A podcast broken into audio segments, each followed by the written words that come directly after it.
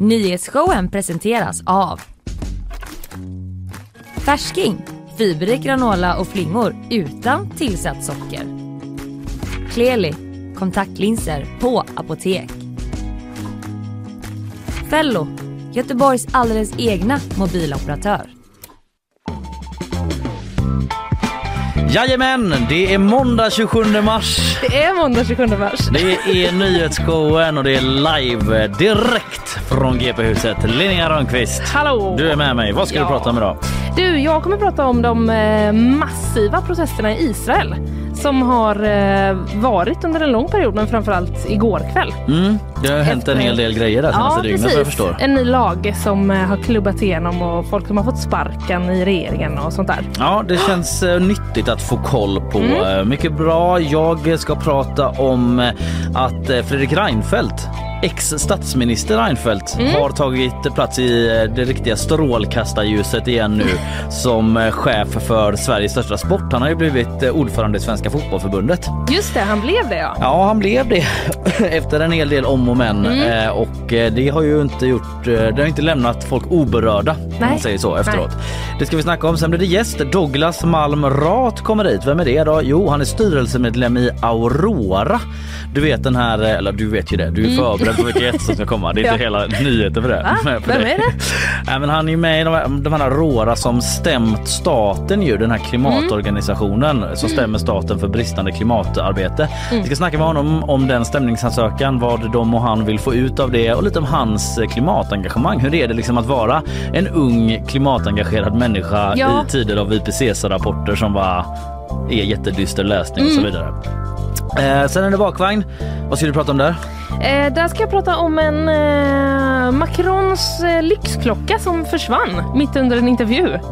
Spännande. Wow. Jag tror inte att det var ett troll, eh, liksom eh, någon sån magi. Men vi får försöka Nej. reda ut vad det var. Ja, det låter som en sån ficktjuvsjournalist. Ja, det då. låter mer så. Mm. Eh, det blir det och sen blir det lite om hur bra våra riksdagsledamöter är på högskoleprovet. Ja, vad spännande. Fan vad de får utstå ändå. Ja, det är verkligen synd om dem kan man ändå känna ibland. Eh, bakvagn för mig. Gwyneth Paltrow. Det pågår ju en rättegång mot henne. Ja. Alltså. Hon har krockat i en skidbacke och nu Ja. sänds hela rättegången om det live. Det är liksom Är det som den- samtiden som är här? Samtiden knackar på. Det är Ja. Mm. lite så Amber Heard, Johnny Depp fast eh, mycket mildare ämne. och det har väckt reaktioner för att hennes advokat har en väldigt speciell eh, stil typ. Mm. Vi ska lyssna lite på den sen. Sen är det lustgasförbud i Storbritannien också och Ruben Östlund har bett om ursäkt och lite annat också. Vi får se vad vi hinner med. Spännande. Ja, hur mår du eh, efter helgen? Det var ju AV i fredags efter vårt hundrade avsnitt. Ja, det var det. Det har du hämtat dig ifrån. Det har jag hämtat mig ifrån. Absolut. Sen gick jag ju på 30-årsfest dagen efter. Ja, du är så ung du. Jag är så ung jag så att jag klarar sånt. Eh, mm. Nej men jag har hämtat mig. Ja, Det var full rulle men bra. Har du hämtat dig? Ja, jag har hämtat mig från det. Ja. Oväntat bra faktiskt. Ja, det, fanns, det finns uppgifter om en viss kebabpizza. Ja, precis. Ja. I och med att jag postade den i vår jobbchatt Exakt. och visade hur vacker den var. Mm. Eh, Jag blev väldigt sugen. Ja, nej, men det var ju lite uraskan eh, i elden för mig Mm. för att eh, när jag vaknade nästa morgon så var alla i min familj sjuka utom jag. Nej. Det var inte bara att käka den pizzan och ligga på soffan Nej. om man säger.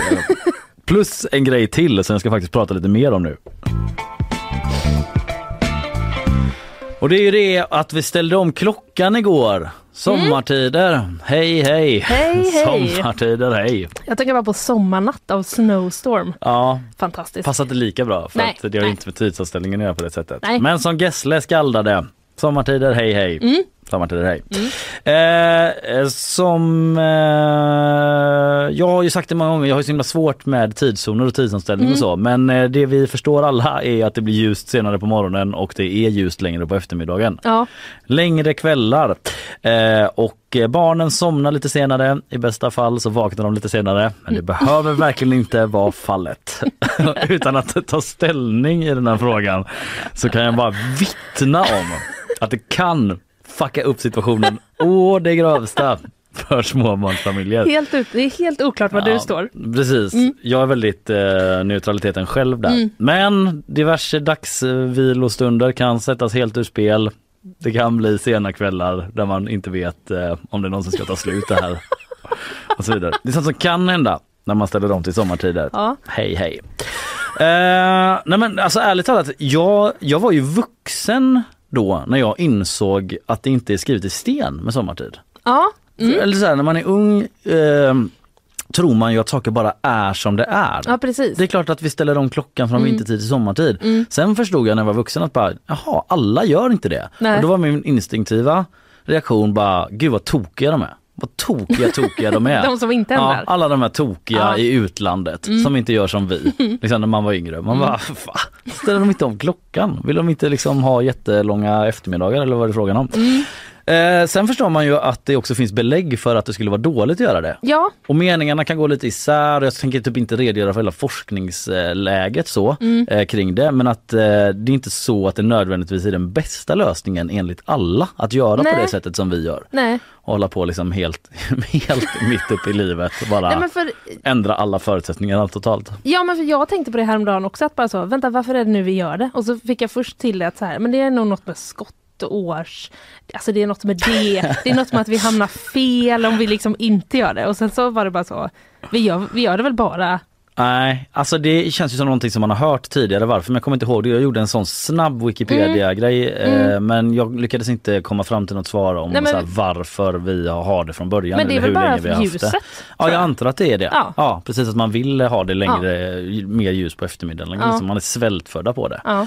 Eh, men i alla fall, det pågår ju då har jag lärt mig nu, eller vetat om men fått eh, återförfriskat, återuppfräschat Mm. minne på eh, en process om detta i EU Mm. där vi ju i Sverige är medlemmar. Det är vi. 2019 då lämnar man in ett förslag om att slopa tidsomställningen i hela EU Mm. och det har eh, röstats igenom. Nämen, Men det ligger lite på is ja, och det är många saker som står i vägen. Men eh, en sak då som gör att eh, det ligger lite på is det är att det har ju hänt en hel del fler, eh, eller som mer angelägna saker inom EU. Till exempel covid-19 får man ja. Mm. hantera, krig i Europa och eh, så vidare. Och det är ingen som riktigt hunnit eller orkat prioritera tidsomställningen. Ja, man pallar inte med. Som David Boati säger, SVTs eh, Brysselkorre är han väl. ja, det känns ju annars som en enkel grej om man vill liksom kunna så sätta en prick på hur många grejer man har gjort. Så känns ju tidsomställningen som en sån. Ja, men man orkar inte. Nej, man Kanske för orkar man har inte. sovit så dåligt Ja. när man ställer om eller något. Vad vet jag. Nej men ingen som pallar med det. Europaparlamentet har alltså röstat igenom förslaget om att slopa så, men nu ligger bollen hos alla medlemsländer då enskilt att bestämma lite olika saker. Men då tvekar man inför en del problem.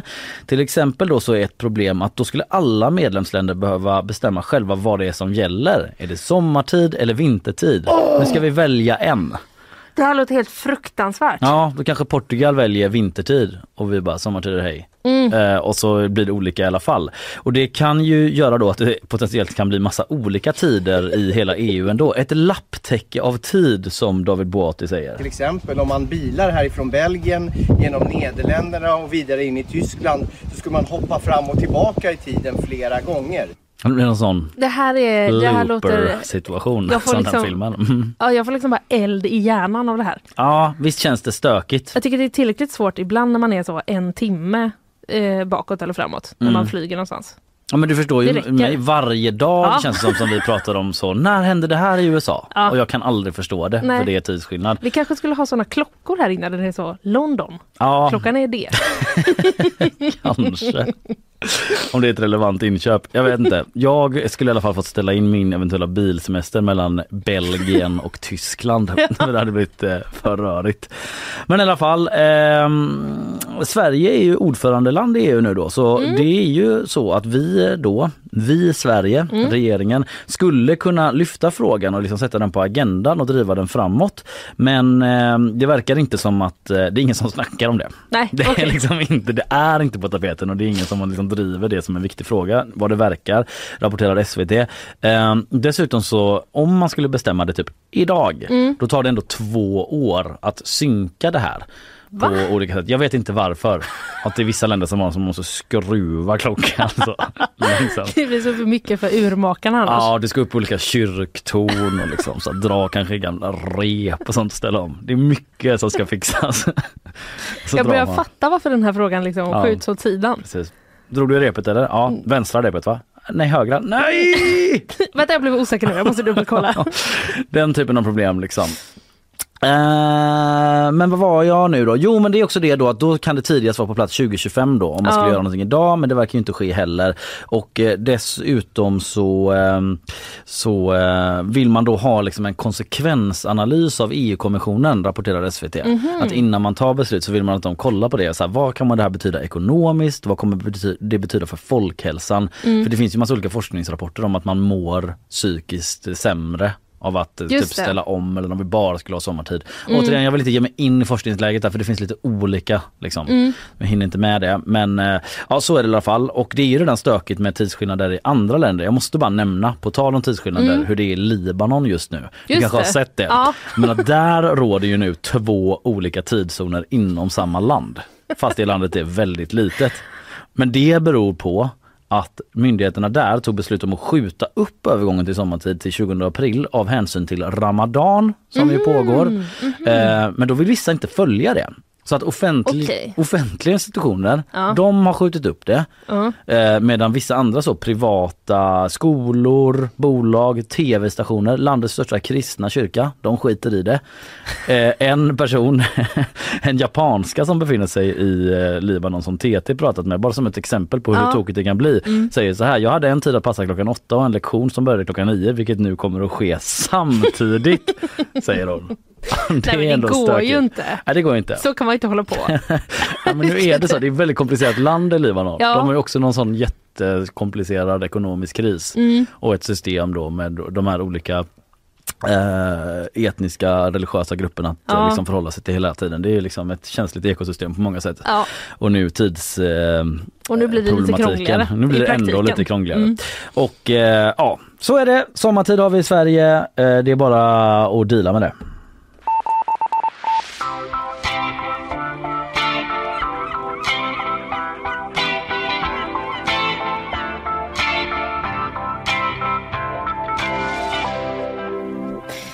Vacker sång. Mm. Bakom kulisserna. Du, eh, Israel Ja, gäller det nu. Det var massiva protester igår eh, mot eh, regeringen i Israel efter en ny reform om eh, domstolarna som Mm. man har beslutat Mm. att eh, införa. I helgen så gick också försvarsministern ut och eh, kritiserade de här planerna. Och dagen efter, alltså igår i eh, söndags, då sparkades han av premiärminister Benjamin Netanyahu. ja. såg rubriken? Ja, det ledde ju då till att eh, de här protesterna som också redan har pågått i tre månader blev liksom ännu, ännu kraftigare. Mm. Eh, bland annat så ska stora folkmassor ha samlats på en motorväg i Tel Aviv. Mm. Där de har liksom, eh, ja, men stoppat trafiken då och tänt en eld Okej. på motorvägen. Ja.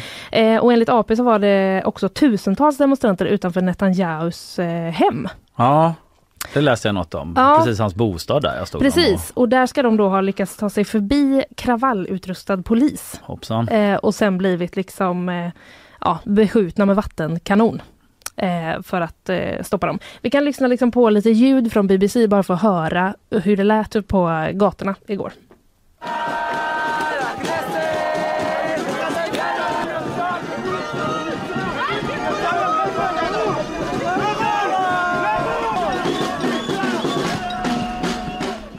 Ja, mm, Rytmerna hade de med sig ändå. Det så bra liksom, medryckande så. Ja men precis, men det var, det var mycket trummor, det var mycket israeliska flaggor, Mm. det var jätte, jättemycket folk och Knesset lät det som någon ropade. ja det var det, någon Ja, som ropade Knesset ja. mm, Mm, det var ju inte en referens till vårt gamla tv-program i Nej, Sverige. på ZTV nej. Nej. Utan parlamentet där. Precis. Ehm, men så var det och det var också ganska mycket liksom, eh, konfrontation mellan eh, polis motade tillbaka, demonstranter fortsatte. Alltså Mm. ganska så Mm. eh, var det i alla fall. Och det som det handlar om då är ju en ny lag som jag nämnde lite i början. Mm. Den klubbades igenom i förra veckan faktiskt. Eh, och, som, eh, och den innebär då bland annat att parlamentet ska kunna ompröva beslut från Högsta domstolen. Alltså utslag där i liksom Ah, okej. olika mål. Så mer makt till politiker Ja. och mindre till domstolen då? Precis, och eh, politikerna får också större inflytande över att liksom utse domare i Högsta domstolen. Okej. Eh, och sen finns det en tredje grej med den här lagen. Det är att den också skyddar Netanyahu själv. Alltså personligen under en rättegång då som kommer där han är eh, anklagad för korruption. Ah, ja, så då får han fördel av det? Ja, för att den nya lagen då, den slår fast att eh, premiärministern kan bara anses olämplig att styra landet. Det var det som var frågan. Ja. Att liksom han kanske är olämplig att Just styra det, landet om om, han är i den här rättegången Ja. för korruption. Eh, men nu, den här slår då fast att han, man är bara eh, olämplig att styra landet på grund av hälsoproblem eller mentala problem. Okej. Och endast premiärministern själv eller hans regering kan ta beslutet. Att någon är Aha. olämplig. Så det är bara premiärministern själv som kan säga Ja, jag har mentala problem hörni. ja. Så därför är jag olämplig. Ja. Precis. Det kan liksom ingen Okej. annan kan säga det. Ja för det är Så- därför jag har läst, det var bra att jag fick den här lilla genomgången Mm. för jag har läst bara orden så oro för eh, försämrad demokrati och så men Ja. då förstår jag vad det handlar om äntligen. Precis, och kritiker menar ju då, ja, men, dels såklart att demokratin hotas och att eh, lagen är skräddarsydd efter Netanyahu. Mm. Just med det här med Någon form av olämplighetsgrejen. maktmissbruk ligger i kritiken då. Ja, och, mm. oj, och att den liksom uppmuntrar till korruption, Mm. eh, anser kritikerna. Mm. Och de här demonstrationerna då, de är ju inte nya på något sätt. Eh, De ska ha hållit på och hållits varje lördag de senaste tre månaderna. Okej. Men eh, nu har de då liksom verkligen så eskalerat. Mm. I lördags i Tel Aviv så var det enligt israeliska medier eh, över 100 000 personer som demonstrerade. Mm. Och eh, det var ju också då i lördags som försvarsministern där, eh, Joav Galant, gick ut och kritiserade lagen. Alltså ministern i Netanyahus egen regering. Mm. Eh, processen måste stoppas för Israels säkerhet och för våra söner och döttrar, eh, sa han då i ett tv-samtal. Eh, och så fortsatte han, jag tänker inte vara en del av det här. Mm. Han. Så ganska hård kritik ändå mot premiärministern i sin egen regering. Får man säga. Eh, och han uppmanade också Netanyahu då att inte verkställa den här lagen förrän efter den judiska påsken. Som inleds den 5 april. Jaha. Att liksom vänta lite här nu. Ta Okej. det efter då istället. Eh, och så sa han också då att eh, om bara den ena sidan vinner, vare sig det är på gatorna eller inne i Knesset, så är staten Israel den stora förloraren. Mm, det splittrar då. Ja, Mm. precis. I hans linje verkar det som. Ja, och igår då så fick han alltså sparken Mm. av eh, Netanyahu. Och det Vet gjorde du vad? Ju, ja, Då får du sparken. eh, ja. Netanyahu så. Mm. så han. Mm. Tack för din åsikt. Ja, nej men då, då växte ju bara protesterna Ja, precis. efter det beskedet. Kan ju också uppfattas som odemokratiskt då. Att man inte Det har... det- ja precis, Mm. finns inte utrymme för kritik. Nej precis. Mm. Eller så måste man hålla ihop sin regering. Det kan massa illojala jävlar här som sitter. Nej. Å andra sidan då. Det är eh, premiärministerns eh, eh, problem Ja, att eh, jobba mellan de två. ja Demokrati, precis. hålla ihop. precis. Ja, men eh, nyhetsbyrån AFP de rapporterar att det var omkring 200 000 demonstranter i Tel Aviv igår. Eh, och eh, ja, de som är kritiska menar ju helt enkelt att eh, det hotar demokratin Mm. med den här nya lagen. Och igår kväll efter eh, de här beskeden då, eh, då avgick också Asaf Samir som är Israels generalkonsul i New York. Okej. Mm, jag kan inte längre representera regeringen, skrev han på Twitter. Ja. Eh, och han skriver också att eh, i sin tweet, så han har, liksom, han har twittrat och sen så har han också lagt, liksom, bifogat ett brev typ då, som han väl har skickat till regeringen med sin uppsägning. Eh, men han skriver då att eh, de senaste 18 månaderna som Israels generalkonsul eh, har varit tillfredsställande och givande. Men efter dagens utveckling är det nu dags för mig att gå med i kampen för Israels framtid för att säkerställa att det blir en ledstjärna för demokrati och frihet i världen, Mm. skriver han. Ja, tydlig också då. Ja, eh, vi på GP vi har pratat med eh, göteborgaren faktiskt, eh, Jonathan Masnik. Mhm. Eh, så han bor sedan några år tillbaka i en eh, min, lite mindre by utanför Tel Aviv. Och han var ute och demonstrerade igår. Han hade också skrivit i en, eh, liksom i en chattgrupp som de har i den här byn och så var det, då var det flera människor som ville liksom vara med. Så han åkte runt och hämtade upp eh, personer som Mhm. ville vara med och Till demonstrera. demonstrationerna. Mm. Ja. Eh, och han säger så här då, det som står på spel här är Israels demokrati och skyddet för mänskliga rättigheter. Det är inte bara fina ord utan det handlar om verkligheten. Mm.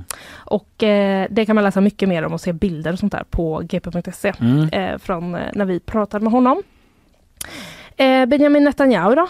Vad säger ja han? precis, det satt jag Ja. och undrade på. Ja. Journalisthjärnan, vad Ja. säger den sidan Det undrar man. Ja. Jag har inte sett någonting liksom eh, sen igår kväll. Nej. Eh, men för, några, för ett par dagar sedan så sa han i ett tv-samtal då att det här genomförandet av den här reformen fortsätter och att eh, han vill försöka hitta en lösning som då både accepteras av anhängare och motståndare Mm. till reformen. Eh, och sen finns det uppgifter om att regeringen nu då på måndagsmorgonen eh, ska ha ett möte där man ska diskutera ifall man ska pausa den här lagen. Ja, okej. Det kom igår kväll, men det är ju bara uppgifter. Låter som en svår balansgång Ja, mellan jättearga demonstranter och Mm. ett eh, jättekontroversiellt förslag då. absolut. Mm. Det kan bli svårt att hitta en mellan, mellanväg ja, kanske. Ja, vi får Ja. se då hur de lyckas på mötet. Ja, och precis innan eh, sändning så Mm. kom det faktiskt ytterligare en eh, nyhet. This just detta. Ja. Eh, det var Aftonbladet som rapporterade att eh, Israels president har gått ut nu i en, eh, ett skrivet meddelande, Mm. ett uttalande och vädjar till Netanyahu om att stoppa genomförandet av den här lagen. Okej. Ja, och han skriver att reformen då liksom ska stoppas omedelbart för, för enighet hos folket i Israel. Mm. Skriver han. Så det är det absolut senaste. Ja. Tydlig splittring i Israel alltså. Mm.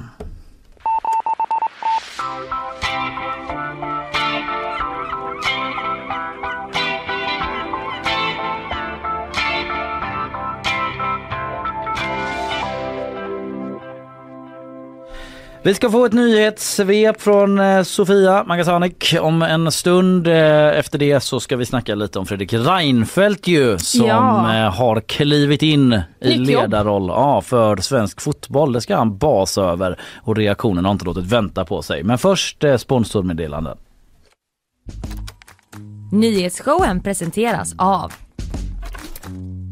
Färsking, fiberrik granola och flingor utan tillsatt socker. Clearly, kontaktlinser på apotek. Fello, Göteborgs alldeles egna mobiloperatör. Jag skulle bara vilja konstatera ännu en gång att det är den 27 mars idag. Mm. Tycker det alltid känns bra lite att eh, orientera folk i kalendern, vilket datum det är och så också. Sen vill jag också eh, informera om att eh, Sofia Magasanik står framme vid mikrofonen. Jajamän. God morgon. Hallå! God morgon. Hej. Du är här för att eh, ge oss ett nyhetssvep.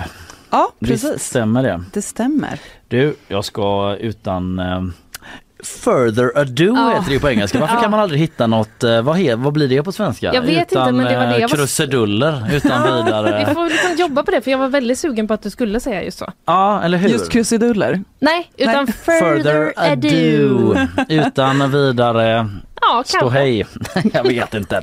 Eh, vi släpper det nu och så skiftar vi om lite i ton till den här lite mer officiella nyhetstonen och låter Sofia ta vid. Varsågod. Idag inleds rättegången mot de två kvinnor från Vetlanda som står åtalade för mord och grovt gravfridsbrott i samband med 21-åriga Toves död förra året. Enligt Rättsmedicinalverket dog Tove av kvävning efter att ha utsatts för strypgrepp. De två åtalade kvinnorna erkänner att de har flyttat på kroppen men har olika versioner om vad som hände natten då Tove dog. Rättegången i Eksjö tingsrätt förväntas ta fyra dagar. Finland tar nu ytterligare ett steg närmare NATO-medlemskap. Idag väntar Ungerns eh, parlament, som valt att separera godkännandet av Sverige och Finlands NATO-ansökningar, att ge grönt ljus till Finland. För svensk del fortsätter arbetet med de två länder, Turkiet och Ungern, som ännu inte godkänt den svenska ansökan att göra det snarast. Ett nytt snöområde rör sig in mot Stockholm och södra Gävleborg och SMHI har valt att gå ut med en gul vädervarning. Lokalt kan det bli upp till 15 centimeter snö. Men här i Göteborg förväntar man sig att minusgraderna och snön ska dra vidare och vi kan istället förvänta oss en hel del regn. Ja, det får väl räcka ändå nu va? Med Ja. snö. Med snö. Ja, Mm. Inte med nyheter. Nej. Förlåt. Nej. Jag fattar att det lät så. Jag tänkte på, jag tänkte på snön. Ja, nej men det är bra att du påminner om att det är slutet av mars, för när jag vaknade häromdagen så var jag helt övertygad om att jag hade drömt den senaste månaden och att det liksom igen var februari när snön kom. Ja, Ja. fy. Det var inte en bra känsla. Ja, det är ändå ibland skönt att tiden går på något sätt. Mm. Eh, Sofia, tack så länge. Vi hörs Tackar. igen lite senare.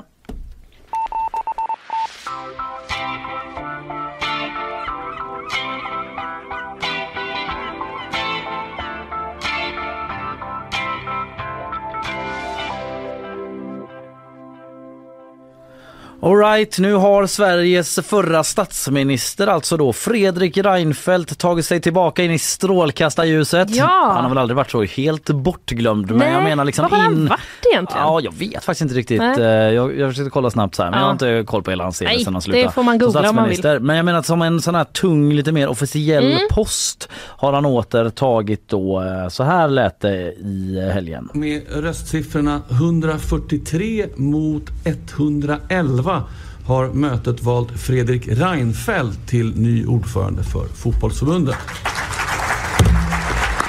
Så lät det när han röstades igenom och någon tappade en mikrofon eller någonting. Men ursäkta, eh, var det han, eh, nu tappar jag eh, Anders. Ygeman, Ja det var mycket det. riktigt Herregud. med sin milda framtoning. Ja. Jag vet inte riktigt heller varför han satt Nej, där. varför var han Han var ju där? idrottsminister tidigare. Ah. Eh, Men han höll i mötet av någon anledning. Ja, Extra kan som spännande. frilansar. Han är ju säkert jätteduktig på det här med föreningsliv Ja. och så. Som sosse. Mycket uppdrag som moderator. Kanske. Ja. För första gången, det finns säkert en, en rimlig anledning Ja. till att han gör det.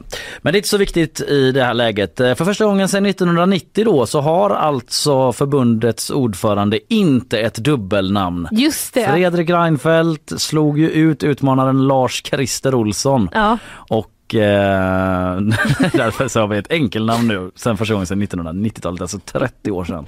Lite drygt. Ja. Eh, och det var ju faktiskt jämnare än vad det kanske lät då i den här omröstningen. 143 mot 111. För eh, det var ju egentligen ett tungt distrikt som blev tungan på vågen, nämligen Stockholm. Man har lite olika antal röster beroende på vilket förbund man tillhör och Stockholm har 18 röster då. Så att eh, om Stockholm hade röstat eh, på Lars Christer så hade han vunnit. Okej. Sen är det en massa andra förbund som också kanske Ja. om dem, om dem, om dem. Ja. eh, Du vet. Men i alla fall, eh, Stockholm, eh, där återfinns ju även Brommapojkarna då. Den eh, fotbollsklubben som själva nominerat Reinfeldt från början. Och ehm, Nåväl, Reinfeldt var det som blev vald i alla fall. Reaktioner på det? Nej, jag skojar. Nej, det var inte. Nej, det där är ett gammalt klassiskt eh, klipp från en Hammarbyare som är arg. Men det var faktiskt folk som tyckte att han skulle avgå. När Gais hade träningsmatch igår tror jag det var, så eh, halades det direkt fram en banderoll då där det stod avgå Reinfeldt. Oj, vad snabbt. Ja, väldigt pigga där. Mackrillarna då. Eh, Sportbladet har snackat med ordföranden för Gais eh, supporterförening Mackrillarna som säger banderollen fick lika stort jubel som våra två mål, säger han. Eh, vad hade supporterklubben för uppfattning i ordförandevalet? Frågar Sportbladet. Både fansen och klubben stod eh, i stor utsträckning bakom Lars Christer Olsson, mest beroende på hans bakgrund och djupa kunskaper inom fotbollen. Kan återkomma till det. Min personliga uppfattning är att jag dessutom är skeptisk till en djurgårdare som ordförande, säger eh, han eh, Tony Balog eh, med en viss glimt i ögat, Ja. skriver Sportbladet mm. angående det här med djurgårdare då. Men det är ju nämligen så att Lars Christer Olsson, han är ju en sån här, han är 73 år tror jag, i 70-årsåldern i alla fall och har lång erfarenhet inom Svenska fotbollsförbundet och det föreningslivet medan Fredrik Reinfeldt inte har någon erfarenhet av det. Däremot mycket annan erfarenhet som vi alla känner till Ja. av att typ leda olika saker, till Ja. exempel Sverige. Landet, ja precis. Ja, eh, så det har ju varit en ja, konflikt i det. hela. Vissa kanske som Robert Laul, vår eh, fotbollskrönikör och reporter där var inne på det. Liksom att det kanske finns en aspekt av att folk vill ha något nytt och fräscht in då istället Mm. för eh, Lars Christer som är någon sorts del av den gamla fotbollseliten som Mm. har bestämt väldigt länge, liksom gamla gardet och sådär. Eh, men Reinfeldt eh, har ju då uppdraget nu att liksom hålla ihop den här ganska spretiga organisationen, Svenska fotbollförbundet. Eh, många olika stridiga viljor. En stor fråga eh, är ju den här eh, grejen som Göteborgs fotbollsförbund har varit aktiva i, den så kallade Göteborgsmotionen. Som handlar om huruvida pengarna ska fördelas inom svensk fotboll, alltså de här pengarna som kommer från olika till exempel tv-avtal och så. Det handlar ju om hundratals miljoner. Idag går den absolut största delen av det till elitklubbarna, alltså de som spelar i allsvenskan Aha. och sen lite mindre till superettan och sen liksom väldigt lite till dem under superettan. Okej, Göteborgs fotbollsförbund vill att detta ska fördelas mer jämlikt okej. även till eh, ja, sämre lag då. Ja, Eller lag I som- lägre divisioner. Precis, det är li- trevligare uttryck faktiskt Linnea. Mycket bra. Eh, så blev det dock inte. Det är 238 röster mot bara 15. Oj! Eh, röstade inte nej men röstade Nej. för att skjuta upp det här beslutet. Jaha. Så det skjuts på framtiden då till eh, 2024 nästa år. Eh, och det verkar då som att eh, Reinfeldt inte bara i Gaisleden här då har lite uppförsbacke vad gäller eh, supportrar och engagerade och det har nog mycket att göra med, tror jag och flera andra som är experter till skillnad från mig då, att göra med att han inte har snackat med media någonting nästan under processens gång. Nej, Folk- det har väl varit helt eh, nästan tyst. Ja, det är väldigt speciellt faktiskt. Ja. Robert Laul var ju här för några veckor sedan och pratade om det här för det liksom beskrivs ju som, det sker ju väldigt sällan de här eh, omröstningarna om vem som ska bli ny ordförande och den här nu är fotbollen det är så, under så stor förändring, det beskrivs som ett väldigt viktigt val och det är mer dramatiskt än på många år. Tidigare så, vad jag förstår, har liksom valberedningens kandidat varit så här, ja men det blir det nu. Ja. Och så är det inte Ja. så mycket snack om det. Men nu har det varit jämnare än någonsin. Och när Laul var här för ett par veckor sedan eller vad det var, då var ju Reinfeldt nästan uträknad. Man trodde inte att han skulle ta hem det men sen så gjorde han det i alla fall då. Ehm, men vart var jag på väg med det? Det blev en liten ehm, avvikning för honom. Jo men alltså just det, här, han har inte pratat så mycket med media då. Nej, Och folk vet inte vad han vill. Och två av de stora frågorna är till exempel då hur eh, vill han göra med 51% regeln? Den här grejen med att svenska klubbar ägs, eh, måste ägas eh, till minst 51% av medlemmarna själva. Så att det inte kan komma någon sån här rysk oligark och köpa klubben och göra vad hen vill med det. Låt oss vara ärliga, han. Det är inte jättemånga tjejoligarker va? Men kanske finns eh, någon. Det Ja. vet jag faktiskt inte. Eh, men där var han tydlig nu då efter presskonferensen att ja, jag är med på 51 regeln, det sa han flera gånger eh, och eh, den verkar han stå bakom sa han där. Sen är den andra stora frågan var då? Du vet det här med att Just man det. har kameror. inte var någonstans. Nej utan precis. var. Mm. Var, är väl? Inte sår heller. Nej precis, eh, utan eh, man har det här lilla videorummet där man granskar domarens beslut. Bara, Var det straff, frispark, hands och sådär och sen så, tar det, så gör man mål och så måste man vänta på att VAR ska ta ett beslut. Vänta och titta. Ja, så får man fira två gånger. Ja. Eller bara ta, till- jag tar tillbaka firandet. Ja. Det blev inte mål och sådär. Eh, och det är ju många som är emot VAR inom svensk fotboll. Flera klubbar som har tagit medlemsbeslut på olika årsmöten att vår klubb ska verka för att det inte ska bli VAR. Ja. Men i den frågan så var väl Reinfeldt i någon sorts gammal politisk högform, lite taskigt eh, kan man väl kanske säga då. Han talade om båda aspekterna. Det kan Ah, vara bra okej. men också kan vara dåligt Ja. och så sa han att I balansen av detta ska vi hitta ett gemensamt beslut. i balansen av detta mellan det bra och det dåliga, nej men de olika argumenten ska vi hitta ett beslut då längre Vi fram. tar det varannan gång. Ja, Har vi var. precis varannat år så. Ja.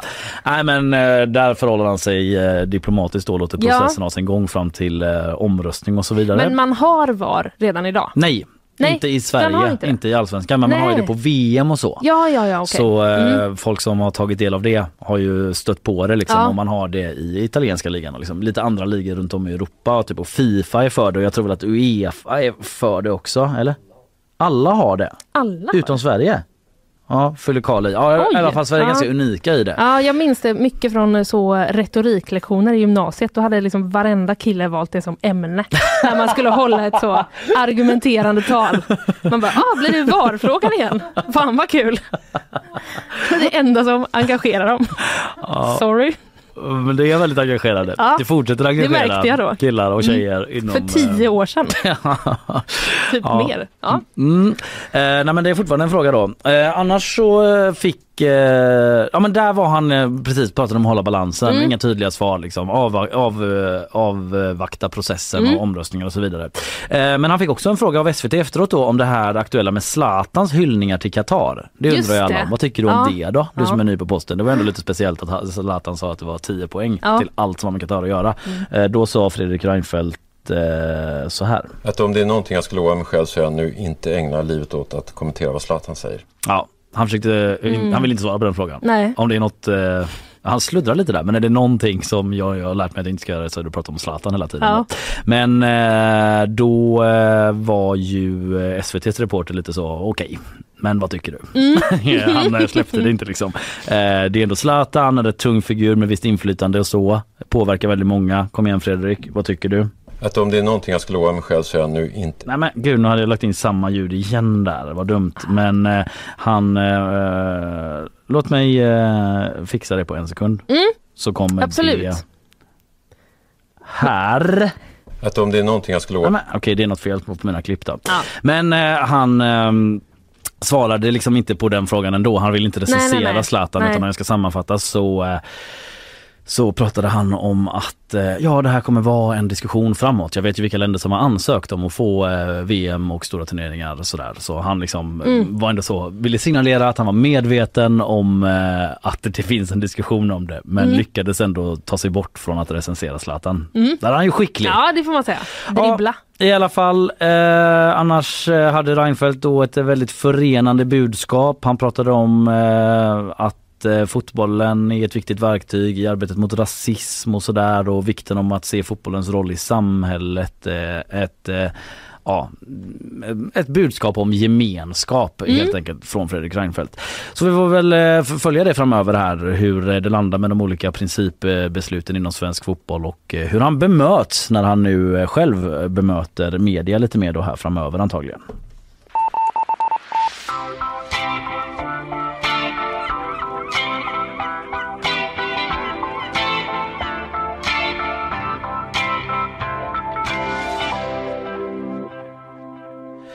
Om en stund så blir det gäst. Ja, Det är ju Douglas Malm Rath som är, eh, ja, han är student men han är också styrelsemedlem i Aurora, den här föreningen som stämt svenska staten. Likt andra föreningar gjort runt om i Europa för klimatarbetet. Då. Man tycker det är för dåligt, man vill få till förändring, man tar den juridiska vägen.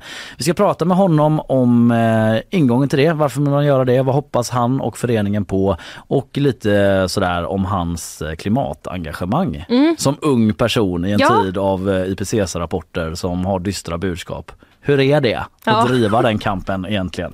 Eh, först eh, sponsorer. Nyhetsshowen presenteras av Färsking, fiberrik granola och flingor utan tillsatt socker. Kleli, kontaktlinser på apotek. Fello, Göteborgs alldeles egna mobiloperatör.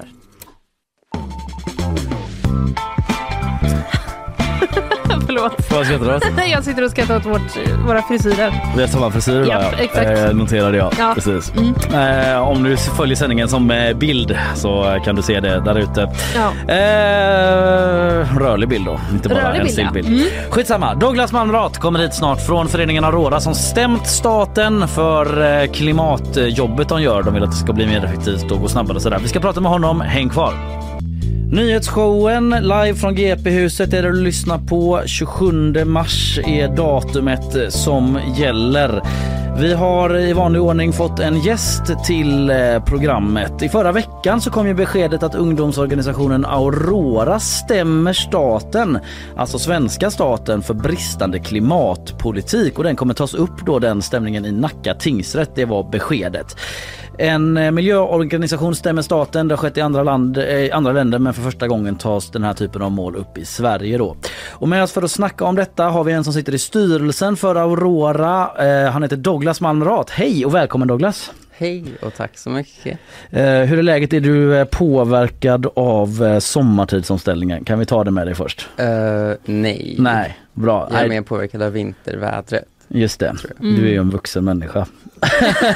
det är mest mina barn och så. Så jag släpper det nu och så går vi in på det som är ämnet för dagen. Eh, föreningen Aurora alltså, ni stämmer staten. Varför då? Eh, för att vi menar att det är ett brott mot uh, Europakonventionen om mänskliga rättigheter att inte vidta tillräckliga åtgärder för eh, att försöka begränsa Sve- Sveriges utsläpp Mm. helt enkelt. Vad, eh, vad hoppas ni eh, och du kunna uppnå med den här stämnings, stämningen? Ja, eh, rent juridiskt, på juridiska så att säga, så, Ja. så, så är det dels en, en fastställelse, alltså att eh, domstolen konstaterar att det är en kränkning av våra rättigheter som eh, medborgare att, eh, in, att staten inte vidtar de här åtgärderna som krävs för att eh, hålla utsläppen nere. Mm. Och dels en fullgörelse, det vill säga att staten faktiskt ska ja, men, ta sina steg och eh, då först utreda hur, vilka, hur stor Sveriges rättvisa andel av, eh, av utsläppen liksom som, som återstår så att säga. Mm. Och eh, ja, sedan vidta liksom åtgärder för att faktiskt planera och alltså genomföra en utsläppsminskning i mycket snabbare hastighet än den som ja, inte för att utsläppen minskar nu, men Nej. mycket snabbare än som sker. Ja just det. Ja. En förändring av klimatpolitiken helt enkelt. Ja, precis. Mm. Har ni liksom eh, idé, några idéer på det här vill vi att, eh, att staten gör? Eller är det mer att de ska titta på det först? Ja, det, det är att de ska titta, alltså Mm. att de ska utreda det, att de i linje med den bäst tillgängliga vetenskapen som finns och att de ska, vi, vi kan inte riktigt komma och liksom, alltså föra liksom politiska program eller något sånt där i en talan, det är inte det vi är ute efter heller, utan att det ska finnas en liksom vetenskaplig grund för klimatmålen som, eh, som de måste designa, alltså politik, olika, pol- vad ska man säga? Designa sin politik paket. utifrån eh, den vetenskapliga grunden då. Ja, Mm. precis. För eh, det finns ju andra fall ute i Europa där man har gjort liknande grejer. Ett eh, känt fall är ju det här, lite osäker på hur man uttalar det ska jag säga, men Mm. Urgenfallet. Det är i alla fall i Nederländerna. Där man eh, också stämde staten och fick igenom det och tvingade regeringen att ändra sin klimatpolitik på flera punkter. Bland annat utifrån eh, Parisavtalet då som ju Nederländerna hade signat och eh, då blev utfallet liksom att ja då ska ni också rent juridiskt förhålla er till det. Men ehm, man var till exempel tvungen att sänka klimatutsläppen med 25 procent på bara några månader. Har det varit en stor inspirationskälla för er? Eh, Det har varit e- ett av fallen ja. Ja. Eh, och den grundar sig också delvis på uh, samma Europakonventionen om mänskliga rättigheter. Mm. Också ett som gått igenom i Tyskland. Eh, så det, det, det finns ganska många fall som utgår liksom från den rättskällan. Mm. Mm. Vad tror du om liksom era chanser? Eh, jag vågar ju inte hoppas på för mycket Mm. men det är ju ett jättebra första steg såklart att uh, tingsrätten ville, alltså godtog stämningsansökan från första början. Eh, och jag vill ju ändå hävda att vi, vi har ganska mycket stöd bakom oss, liksom dels av, av vetenskapen eh, och dels av, eh, vad, vad ska man säga? Ja men av vetenskapen och Mm. eh, de, de experter som hjälpte oss liksom ta fram de här klimatrapporterna, liksom analysunderlaget och sånt där. Mm. Ja precis för ni har ju engagerat eh, professionell juridisk eh, hjälp då i detta också. Eh, men eh, klimat och miljöministern då Romina Pourmokhtari från Liberalerna hon eh, har ju precis eh, förstås eh, fått eh, frågor om detta. Det är ju någonting väldigt unikt i Sverige och eh, hon har sagt att hon vill ju inte kommentera rättsprocessen men att hon delar Aurora-medlemmarnas oro för klimatet. Därför arbetar regeringen med en effektiv och ambitiös klimat och miljöpolitik som ska möta utmaningen vi står inför och så vidare. Och eh, att Sveriges klimatmål ligger fast att vi ska ha ett nettonollutsläpp för 2045. Det säger hon. Eh, räcker inte det? Eh, dels så öppnar ju Moderaterna häromdagen för att uh, slopa klimatmålen. Men annars är det ju också väldigt lätt att säga saker som låter jättefina utan att någonting händer och det är ungefär det vi sett. Klimatet har ju blivit mer liksom ett kulturkrig. där det står Hur menar du kulturkrig? Ja, att det står liksom, om man kollar i valfritt kommentarsfält på internet så ser man ju, ja, det är ju Miljöpartiets fel eftersom de la ner kärnkraften och sen så reduceras klimatet till en fråga om typ vilken, vilken sorts el vi vill ha. Mm. Eh, Eller vilka, vilka elkällor vi vill ha. Eh, Det blir aldrig någon djupare debatt om liksom klimatkrisens faktiska orsaker, det vill säga massiv överkonsumtion och överproduktion och eh, utsläpp därefter. Mm.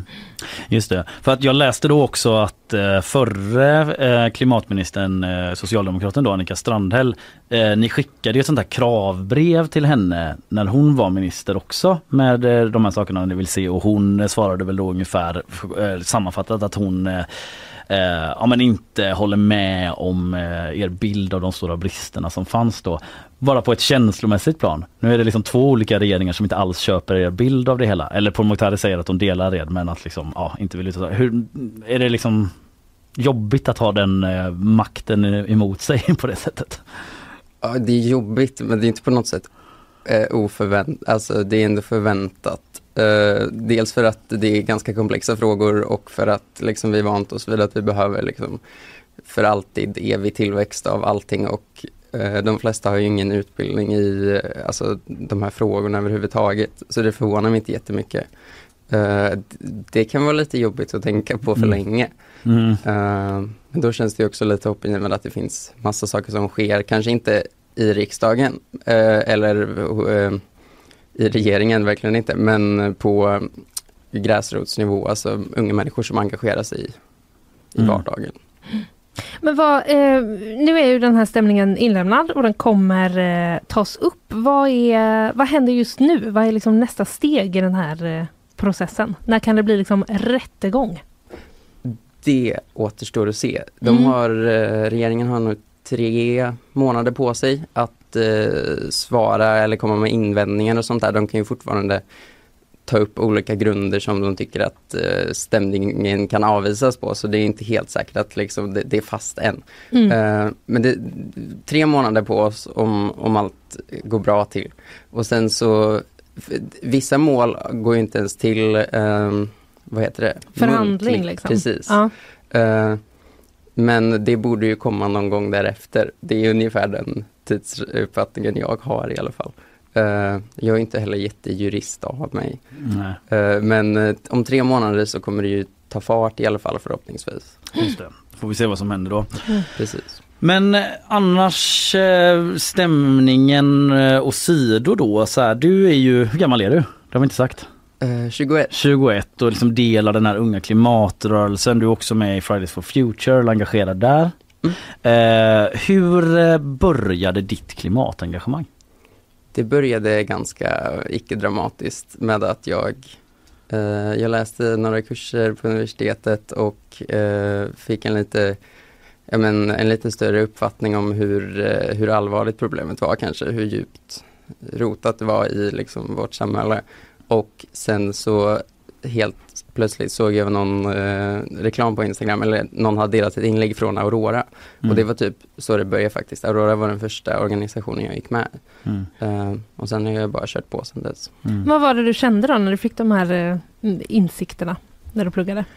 Eh, ja men de var ju lite överväldigande eh, kan man säga. Jag, det var ju några år efter de här största klimatprotestvågorna hade liksom, ja, eftersom, efter de hade lagt sig efter corona och sånt där. Mm. Eh, men jag kände väl mest att eh, oj varför pratar vi inte mer om det här?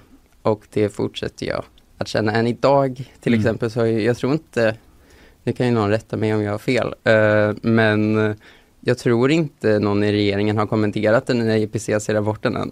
Eh, och det kan man ju tycka är lite, Jag har inte någon sån kommentar Mm. framför mig. Jag, det, det låter märkligt att ingen skulle ha gjort det.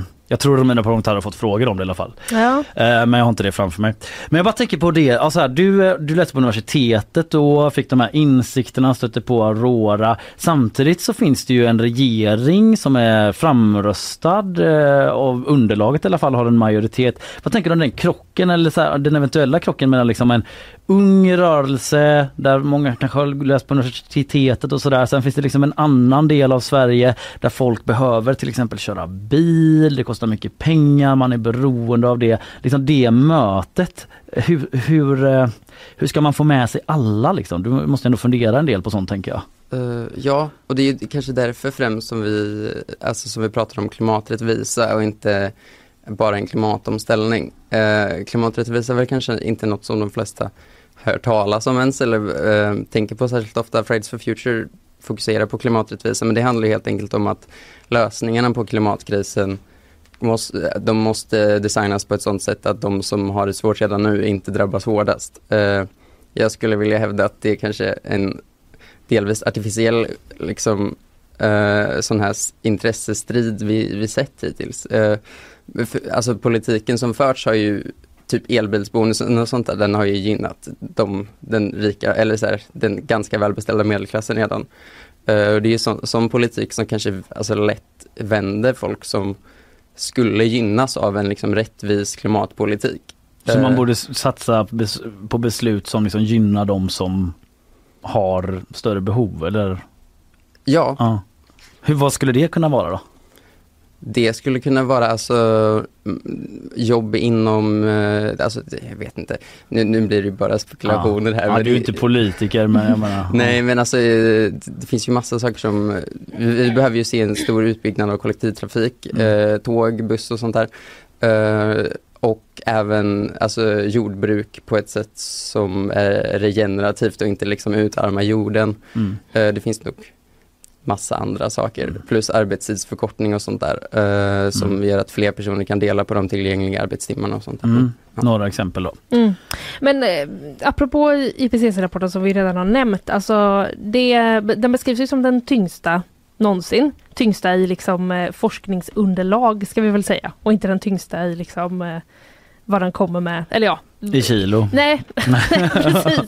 Nej Ja, men jag att det är en mörk Men att bild. den har liksom. samlat många. Jag Okej, menar, ja, ja, just det. så. Mm. Mm. Ehm, men det var ju liksom eh, ändå ungefär vad man kunde gissa att det skulle komma. Alltså vad, vad tänkte du när den kom? Vad kände du liksom? Blev du förvånad? Eh, nej, jag blev inte så förvånad egentligen. Nej. Eh, det är ju ungefär det de sagt förut fast med större säkerhet. Eh, Mm. Det är lite oroväckande. Jag tror en, en av de mest oroväckande var att det fanns en typ, de använder ju sådana uttryck som med stor säkerhet eller liksom, nej, big confidence eller liksom Mm. att Mm. de var själva säkra på ja, någonting. mm. Precis. Eh, och de trodde, de var ganska säkra på att Golfströmmen inte skulle kollapsa inom en viss års, liksom Mm. en ganska närstående tid. Eh, så den, jag har inte läst hela själv heller, det kan jag inte påstå. Ehm, men det kändes ju ungefär som vanligt för jag vet, jag vet ju att politikerna kommer inte lyssna på den ändå. Mm. Hur är det inom Aurora? Jag menar, tänk, jag tänker på man, det är många unga människor som är engagerade i den här kampen. Samtidigt så möter man, liksom, möter man rapport på rapport över att eh, det inte görs tillräckligt och så vidare. Och eh, har, har ni liksom eh, samtalsgrupper för att ni inte ni ska må piss? Eller förstår du vad jag menar?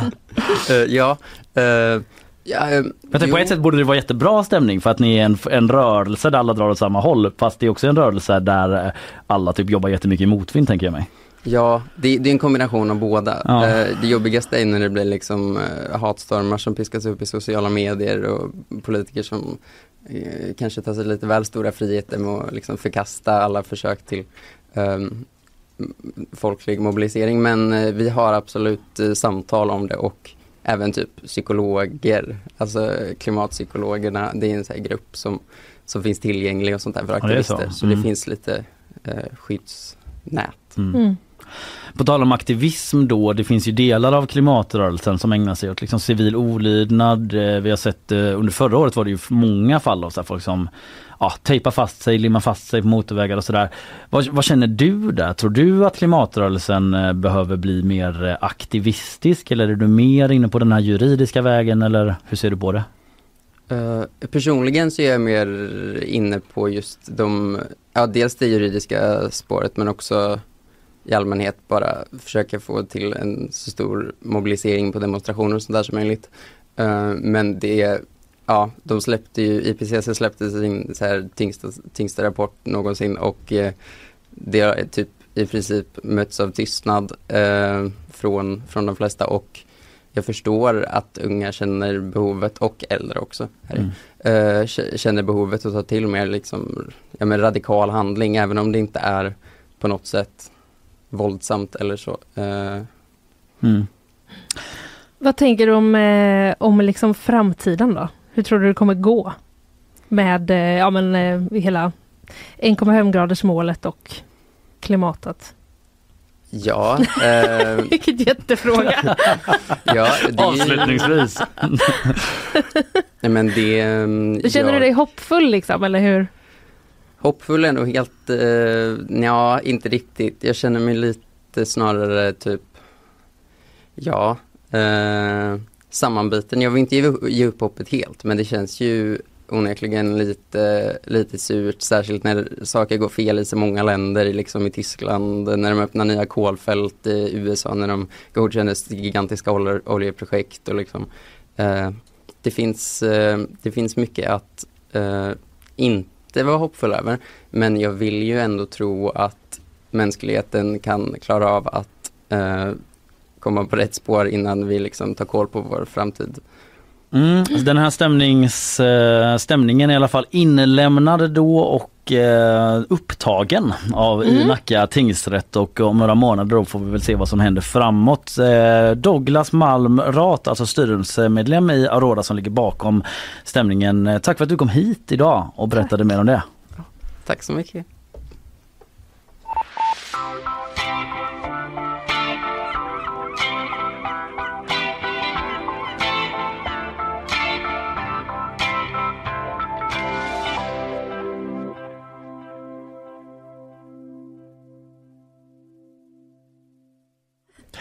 Ja, eh, det var så Douglas Malmrot då som eh, är medlem i Aurora och engagerad i Fridays for Future. En ung klimataktivist som eh, är med i gänget som stämmer staten alltså. Han var Ja. väl försiktigt optimistisk som jag tolkar honom till i alla fall den grejen. Ja men det tycker jag.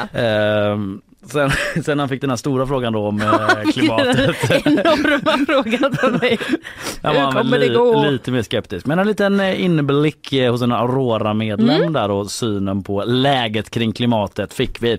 Vi ska vidare sen. Eh, mer eh, nyheter i korthet med Sofia och sen ska vi till bakvagnen. Jajamän. Där blir det högt och lågt du. Ja. Jag ska ta oss till Gwyneth Paltrows rättegång om hennes krock i skidbacken. Det är så otroligt ändå. Men jag är också väldigt sugen på att gå hem och streama den. Ja, Så mm, vad, jag ska inte säga för mycket. det är många som är det. Mm. Jag tar upp det bara för att det har blivit så himla viralt. Ja. Eh, Folk kanske har sett den här videon fladdra förbi med en eh, advokat som har en ganska speciell approach. Det och en hel del annat tar vi med lite stund. Eh, Först sponsorer. Nyhetsshowen presenteras av Färsking, fiberrik granola och flingor utan tillsatt socker. Kleli, kontaktlinser på apotek. Fello, Göteborgs alldeles egna mobiloperatör. Nu blir det nyhetssvep. Sofia, du är tillbaka. Jajamän. Mm, rör du på sig där ute i världen? Eh, lite skral nyhetsdag faktiskt. Det? Eh, Mm. Men eh, jag tänker att det kanske är en bra sak, alltså utanför våran bransch, att världen är lite lugnare. Ja, Mm. Så. vi får väl se om det varvar igång under dagen när alla eh, nyhetsbyråer är tillbaka från helgen här och Ja, vad precis. som har hänt egentligen. All right, eh, med det i, med oss i åtanke så tar vi ett eh, nyhetssvep. Varsågod Sofia. Idag inleds rättegången mot de två kvinnor från Vetlanda som står åtalade för mord och grovt gravfridsbrott i samband med 21-åriga Toves död förra året. Enligt Rättsmedicinalverket dog Tove av kvävning efter att ha utsatts för strypgrepp. De två åtalade kvinnorna erkänner att de har flyttat kroppen men har olika versioner av vad som hände natten då Tove dog. Rättegången i Eksjö tingsrätt förväntas vara klar i slutet av veckan. Det var i oktober förra året som polis och ambulans kallades till ett lägenhetshus på Nordhemsgatan i Linné. På plats fann patrullen två kvinnor och en man. I brottsundersökningen skulle det senare visa sig att mannen hade kommit till lägenheten för att köpa sex av en av kvinnorna men därefter attackerat eh, kvinnan och hennes rumskompis med en kofot. Mannen döms nu till fängelse i tio år för bland annat mordförsök. Finland tar nu ett, eh, ytterligare ett steg närmare NATO-medlemskap. Idag förväntas Ungerns parlament, som har valt att separera godkännandet av Sverige och Finlands NATO-ansökningar, att ge grönt ljus till Finland att gå med i försvarsalliansen. För svensk del fortsätter arbetet att de två länder, Turkiet och Ungern, som ännu inte godkänt den svenska NATO-ansökan ska göra det snarast. Veckan inleds med sol i Göteborg men det riktiga vårvädret får vänta ett tag till då ostadigare väder med regn och snöbyar drar in över Göteborg under veckan. I Stockholm ser det desto mörkare ut och kallare. SMHI har utfärdat en gul varning och beräknar att det lokalt kan komma upp mot 15 centimeter snö. Tack för det Sofia. Tackar. Har du prövat lustgas? Ska jag bara. Men jag ska prata om det snart. Eh, faktiskt. Det förbjuds i Storbritannien och delar av Stockholm. Ja. Eh, så ingen ska behöva svara på frågan. Eh, tack Sofia. Vi går vidare.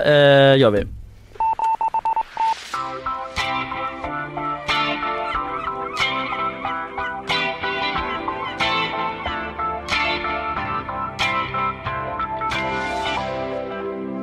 Du får börja Linnea. Jag börjar och jag, eh, vi ska ta oss till eh, Frankrike och Mm. president Macron. Det är, ju, eh, det är ju fullt upp för honom där. Med protester. Ja, det kan man lugnt säga. Det- brinner Ja, det gör eh, det. i Paris på Ja, det gatorna. gör det. Ja, pensionsreform och så. ja, det var också den här bilden va, som har blivit lite poppis. Ja, det är några som sitter på ett sånt klassiskt franskt Ja. eh, parisiskt café uteservering där och typ eh, dricker eh, Lite vin, va? Lite vin tror jag. Medan eh, det pågår en fullskalig brand i en sophög precis bredvid. Japp. Det verkligen är så. Livsnjutare ändå. Går man brinner det lite men det ska inte stoppa oss. Ja. Nej men... En Eh, svans av eh, hjortron eh, finns det i vin. ja. Och en doft Och av gammal typ. indisk mat som, eh, som- sakta förkolnar. Typ. Ja. Ja. Eh, nej men nu är det då, han har eh, varit med i eh, tv, ett litet klipp där, givetvis och pratat om den här pensionsreformen Mm. som han ju liksom försöker eh, Ja, genomföra. Han har tryckt igenom Mm. utan eh, nationalförsamlingens stöd. Precis, men det som eh, SVT och eh, jag har valt att fokusera på Mm. är hans klocka som han har på sig under den här intervjun. Ja, ja. Det finns ju givetvis också rapporterat om vad han sa. ja, Men precis. just nu vi i väljer vi- fredags inte minst. Men, ja precis, nu väljer vi mm, klockan mm. och det är nämligen så att han har en då inom citationstecken lyxklocka Mm. som under den här sändningen försvinner Ja, från hans arm. ja. Mm.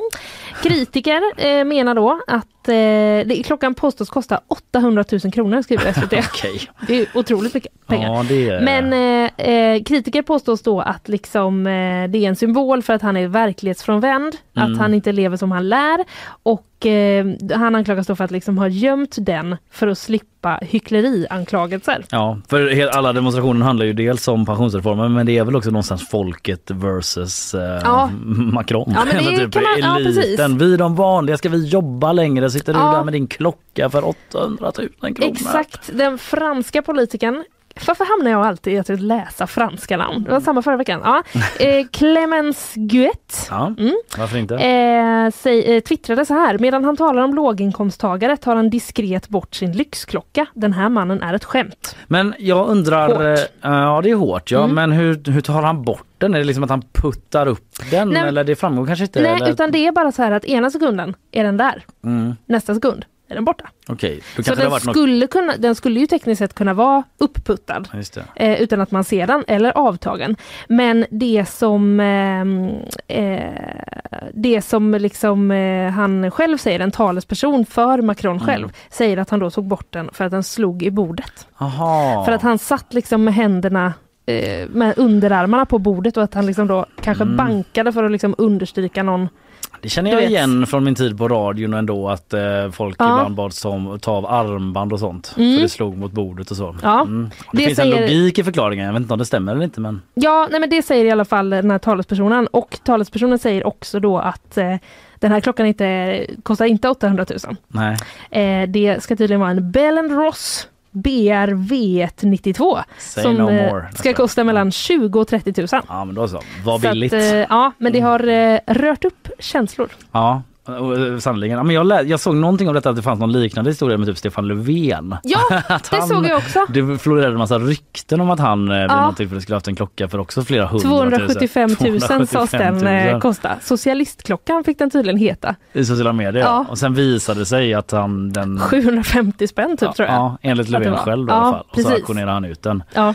Okej men ja Macron eh, behöver Macron, Macron, Macron. Macron Mm. eller vad man säger eh, behöver uppenbarligen tänka på liksom the optics. ja, ja visst. Det är mycket engelska för mig idag men Mm. eh, hur det ser ut Mm. eh, hur han för sig och rör sig. Tack tack.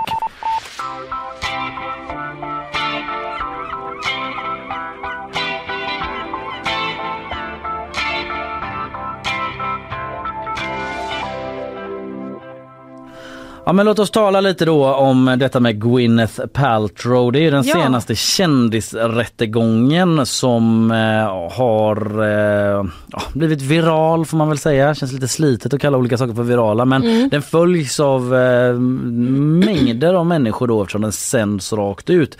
Det handlar om ett fall eh, från 2016 faktiskt när hon var och åkte skidor i Utah, Gwyneth Paltrow. Mm. Alltså skådespelaren och Mm. wellness eh, Ja, kanske nu typ. för tiden, Eh, ja. Hon håller ju på att prata mycket om vad man äter och stoppar i sig för olika Ja. vitaminer och grejer. Typ. Hon har liksom gått över lite från skådespeleriet nästan till eh, den världen. Ja. Utan att vara jätteinsatt kan man väl sammanfatta det så. Mm. Skitsamma.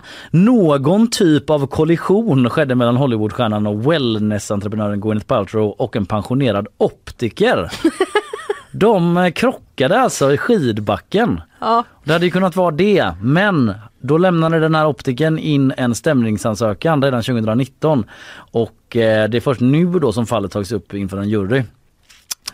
Han kanske borde... Är det dåligt för henne att han, eh, för henne att han är optiker? Alltså jag funderade på Han att... kanske har jättebra glasögon, att det inte kan bli någon fråga om att han Ja liksom eller hur! dåligt. Eller så har han liksom lagt av sig sina glasögon för att han är så trött på sitt jobb och nu är han pensionerad. Ja, Så det- bara, jag vill inte ha med glasögon att göra längre. Eh, Det här vet vi inte Nej, det vet det vi inte. framgås Nej. eller liksom framhålls Mm. eh, i Men det försvaret. skulle ju kanske kunna vara dåligt. Eh, kanske. Ja. Och Oavsett så hävdar den här Sanderson som han heter då, Terry Sanderson, att eh, det var Paltrows fel att de krockade och han Mm. vill ha 300 000 dollar i skadestånd och för att det ska täcka hans sjukhuskostnader och kvarstående men. Oj. Men Gwyneth Paltrow menar själv då att eh, det är Sanderson som kört på henne bakifrån och hon har lämnat in en motstämning då där hon kräver Sanders på en dollar, alltså ett symboliskt eh, Aha. eh, Man måste belopp kanske då. stämma på pengar eller? Ja, jag tror, jag tror det Ja, är så. ja. Eh, plus att eh, han ska betala hennes advokatkostnader. Okej. Som i och för sig kan tänka mig kan uppgå till ganska Det mycket. kan bli ganska dyrt. Alltså, ganska dyra advokater Ja. i en sån här rättegång.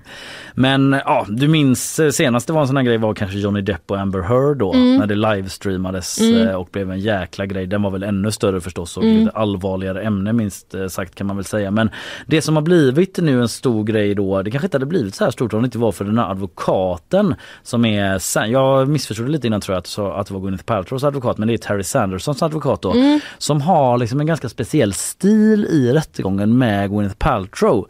Eh, det är liksom lite som att hon hon är inte stenhård, hon är inte direkt Mm. konfrontativ. Nej. Eh, vi kan lyssna på en, jag klippte lite olika bitar där, här är en del. You were wearing goggles, a helmet. Yes, Okay, kind of looked like everybody else on the slope. that's always my intention. Okay. Probably had a better ski outfit though, I bet. Ja men en liten komplimang. Ja, Du hade säkert typ en lite, jättefin... är det lite flörtigt?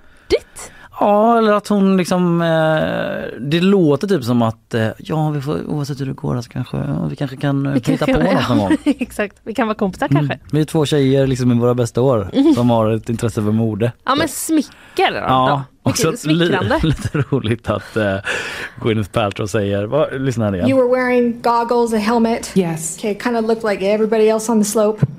That's always my intention. Att det är alltid hennes intention att se ut som alla andra i skidbacken. Ja, Ehm, även på stan en vanlig dag. Ja, jag vet inte varför det är det. Varför det är det så himla viktigt att se ut som alla andra. Låter varmt. Ja, vi lyssnar lite vidare.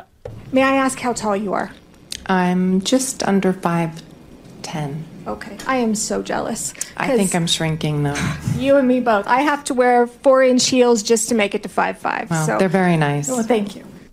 Men vad är det som händer? Lite oversharing typ. Ja, och typ så här, varför är Gwyneth Paltrow så på det här snacket? Ja, Det känns också konstigt. men det blir väl en sån situation att man vill eh, i en rättegång så framstå som sympatisk. Ja. Så om någon är sympatisk mot dig så måste du vara Ja. sympatisk tillbaka annars för det ju juryrättegång och då eh, alltså all, mina, alla mina kunskaper, liksom 99% kommer ju från film och så. Mm. Och då har det väldigt mycket att göra med hur man presenterar sig och eh, om den här juryn ska känna sympati eller Ja, inte. det har det ju såklart. eh, Men liksom, nu är det som att de bara är på någon slags kompis eller, eller någon slags dejt. Typ. Ja, får lite sån så. vibb. Det kan ju vara, nu spekulerar jag hej Ja, vilt, mm. men att den här advokaten har någon sorts plan på att om hon är så himla trevlig, att Mm. bara, gud du är så himla fin i din längd. Ja. Den är så himla lagom på dig. Eh, att, Och i din ski-outfit. Ja, att mm. Gwyneth Paltrow till slut ska vara så här bara, kan vi typ hålla oss till sak? Typ, vad är det med dig? Ja. Att om hon skulle reagera så, Ah. då kanske det kan vara till hennes nackdel. För att juryn tycker att hon verkar som vara som dryg. Ja, det kanske inte är omöjligt. Nej. En teori, Ja. en hejdlös spekulerande teori som jag bara framför på volley här nu. Mm, men oavsett väldigt bra TV. Ja verkligen. Vi kan väl lyssna på två klipp då bara för att det är så Ja, märkligt. ja. Två klipp till. Här är första. And you're not trained in accident reconstruction. Me? Yeah, No. neither am I. Okej. Ingen undrade. K. Bry kände jag att jag ville liksom plocka fram igen. Ja, så här, inte jag heller. Här är nästa. I was yelling at him. Pretty loud. Pretty forceful, I was pretty upset. right? You're Yeah. small but mighty. Actually, you're not that small. And I'm assuming Ja, men va? du är, små, du är liten men mäktig. Men eh, så liten är du ju inte. Nej men kan det också bara vara så att den här advokaten är så jätte, jätte starstruck? Det låter så. Det låter verkligen så. Ja. Som att den är stars, eller hon är starstruck eller vill bli kompis med Gwyneth Paltrow. Ja, eller så kan det ju vara en eh, taktik. Ja, vi får se när Ja. rättegången följer där om hon helt plötsligt bara f- liksom uh, twistar den och bara Mm. Your honor, I'd like to direct your attention to what an asshole she is. Nej eller jag vet inte, det låter inte som ett vettig sakframställan alls. Är Lite sådär. Men eh, världen och vi följer.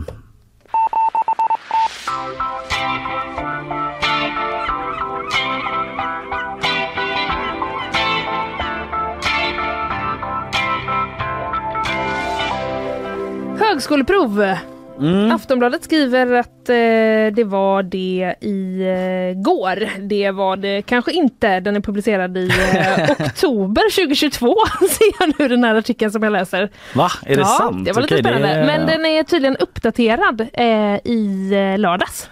Ja för det jag. kom nya så här, vad de Mm. hade fått på högskoleprovet. Det är Exakt. jag som har delat den här artikeln i vår redaktion så det blev så himla förklarande direkt för att jag kände att jag hade gjort ett misstag. Ja men det är nog lugnt. Det Mm. var bara att jag snubblade lite på början där. Men det har ju varit högskoleprov man har ju sett den här. Hur eh, klarar du dig på orddelen? Och så klickar man på det och är Det jag livrädd hela vägen. Ja. Ja. Har det varit det precis nu eller? Ja, jag gjorde det testet. Ha, vad säger du Karl? I Ja lördags. men det var i lördags. Ja, men det tror jag med. Ja, I alla fall, eh, Aftonbladet har kollat, eh, undersökt då hur eh, det, eh, de svenska riksdagsledamöterna har gjort ifrån sig Mm. på högskoleprovet. Fruktansvärt Mm, I topp att behöva delge det. Ja, Mm. precis. Eh, I topp ligger en vänsterpartist med 2,0. Grattis! Mm. Och i botten en sverigedemokrat med eh, imponerande 0,0 Men man då säga. måste man ju ha lämnat salen, eller? Det, det måste man nästan ha gjort ja. För det är ju sl- att slumpen om man bara chansar hej vilt. Ja. Det, det sägs ju något sånt där att eh, om du chansar hej vilt eller om du tar B på allt Ja, så är sannolikheten att du ändå får typ så 0, 25% ja, typ. någonting så Ja, liksom. Så den här personen måste ju nästan ha lämnat salen tänker ja jag. Annars är det ju kanske. som, Eller aktivt svarat fel. Ja, Som någon precis. slags- Kunnat rätt svar Ja, på mm, alla mm. men aktivt svarat Precis. fel. Ja, för det tarvar ju att du vet vad rätt svar är. Så Exakt, inte, så att du tar fel. Någon sorts protest då Eller från typ- liksom ja, missnöjespartiet exakt. Sverigedemokraterna. De kallar väl inte själva det nu för tiden men de Skulle har kunna kallat det. Kul Ja. att lägga en hel lördag på en sån protest. Och typ 400 spänn. Det Ja. kostar väl något sånt. Just det. Ja. Eller kryssat i rutorna fel. Vad vet jag? Var det inte Ali. Esbati som hade fått 2,0? Gjorde det? Jag skannade Ja. igenom snabbt den Ja. artikeln. Ja, det är han. Det ja, verkligen grattis eh, får man säga. Vilket eh, skryt. Vad fick du på högskoleprovet? Har du gjort det? Ja, jag har gjort det. eh, det är väl en tio år sedan eller någonting nu. Men Ja. jag tror jag fick så här 1, jag vill säga 3. Ja. 1,3 men det kan vara 1,2 också. Ja, mm. Jag är väldigt, väldigt dålig på matte. ja, ja, ja, ja gud. Det det är ju det som drar ner. Det, Ja. det, då åker man ju Och det var också innan eh, de hade ökat andelen matte. Jag har förstått det som att efter Ja. jag gjorde så blev det mer fokus på typ matte och statistikdel och sånt. Ja. Så jag hade antagligen haft ännu sämre Ja. idag.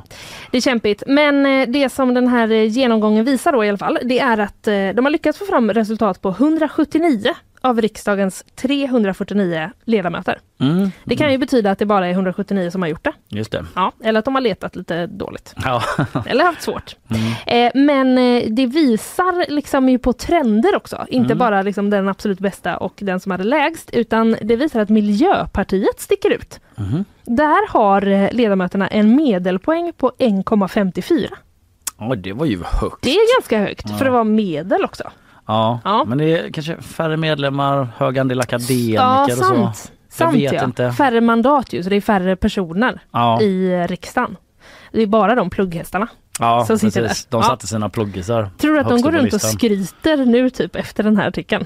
Eh, Att de är så, använder Hallå? alla ord i orddelen så. ja Det precis. var en adekvat frågeställning. Nu vet, nu vet jag inte om det var med, Ja. men den typen av ord kanske. Ad hoc och sånt är säkert med. Men eh, så är det i alla fall. På delad andra plats i vem som är bäst på högskoleprovet bland eh, riksdagsledamöterna så kommer eh, Centern och Liberalerna. Mm. Vilka är allra sämst? Också relativt små partier. Vilka Mm. som är sämst? Mm. Eh, ja, men, tänk om det är sossarna då bara för att de är störst och att det, snittet Ja. kan dras ner då. KD. KD, Ja. okej, för de är också mm, 1,05 är snittet eh, där. okej ändå. Ja. 1,05. Det är Ja, väl okej liksom. Sämst. Men du, här har vi eventuellt ett eh, litet svar på det här resultatet 0,0. Ja, Ja, bra. det var riksdagsledamoten eh, Sara-Lena Bjälkö, eh, SD, eh, Mm, från SD. mm. Hon kommenterade det här resultatet då 2014 när hon satt i riksdagen första gången. Tydligen så görs väl det här hela tiden, vad jobbigt för Ja, just det, de gör nya sammanställningar Ja. bara hela tiden så det kan vara Ja, gamla resultat. Exakt, ja, ja precis. Mm, de gör det. ju inte högskoleprovet Och varje vilka år. nya som är i riksdagen och vilka Ja, som är kvar och precis. inte. Jag förstår. Nej, det är Men- klart de inte gör det varje år, vad sjukt de jo, har det ju. är liksom en regel för alla Mm. riksdagsledamöter att Mm. de måste göra. Men eh, nej, hon säger så här, jag minns inte om eh, jag har gjort högskoleprovet. Jag vet bara att jag var inne i en period när jag ville göra något nytt. Men det är ingen lek med högskoleprovet. Det är väldigt svårt att få poäng, sa hon då. Ja. Okej. Nu, har hon, eh, ja, nu har hon utvecklat här också, när Ja. Aftonbladet når henne igen. Eh, säger- tack så mycket, hej då. Va, vänta lite, vad fan betyder det där? Ja, men det där Ring var- henne igen. ja, men det var så hon sa 2014, Ja, det jag jag läste nu. fattar, jag Mm. Nu har det ändå gått några år. Ja. Så när de sökte den igen, då säger hon så här. Eh, jag har inget minne av att jag fullföljde provet utan jag lämnade för att jag blev sjuk. Aha. Mm. Eh, men detta är inget jag grubblat på sedan dess. Jag har aldrig gjort om det men ibland brukar jag skoja om att jag borde göra det så att man får något poäng i alla fall. Ja, Det var ju jag roligt. förstår. Ja. Jag tycker ändå att jag är en ganska klok och intellektuell person, säger hon. Ja, Ja. det vet ju inte. Man kan nog bara att anmäla inte sig. döma henne utifrån det resultatet helt Nej. enkelt. Hon verkar gått därifrån. Nej, precis. Sen finns det liksom väldigt mycket statistik i den här artikeln. Det finns liksom en eh, tabell som är, ser ut som någon slags valmätning om man vill gå in och kolla på någon specifik. Eh, jag kan säga Romina Pourmokhtari 1,1 till exempel. Ja. Bara för att droppa Bara för att en. välja någon, en. liksom, en aktuell. Ja, men jag scrollade och bara- minister. ja, precis. Där har du henne.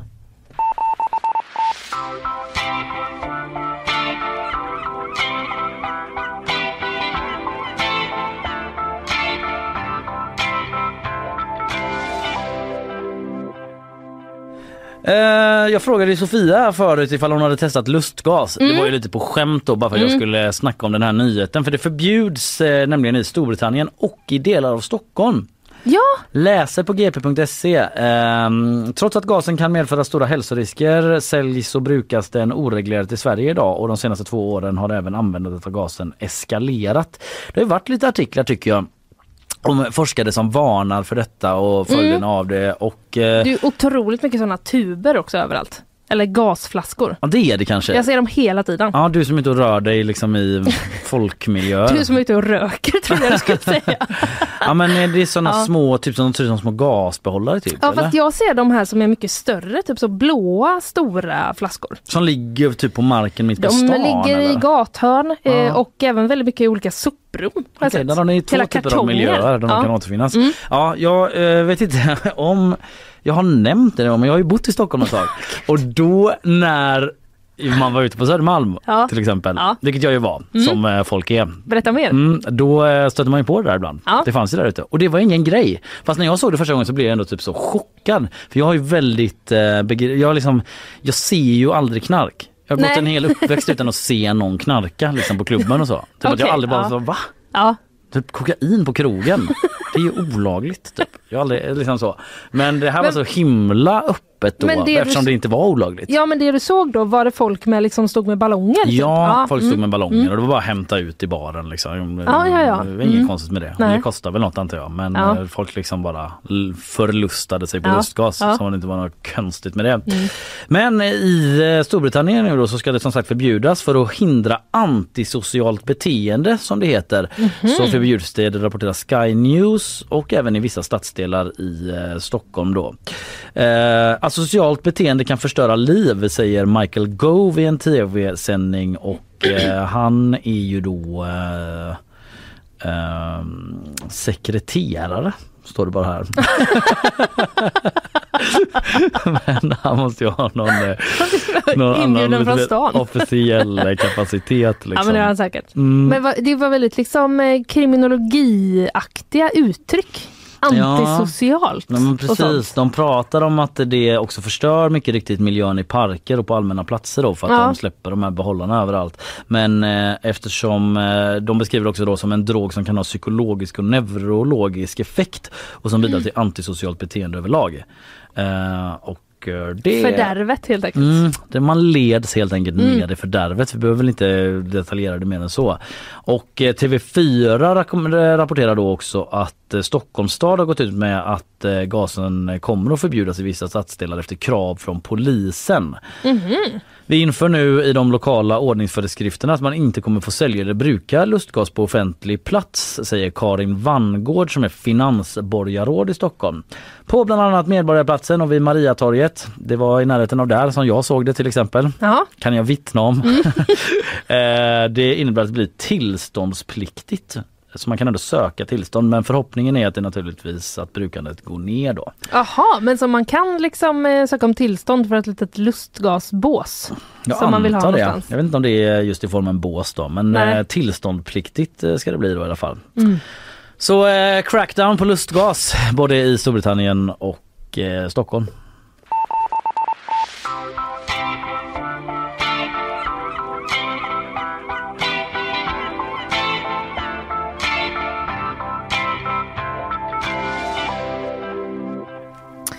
Manustjuven.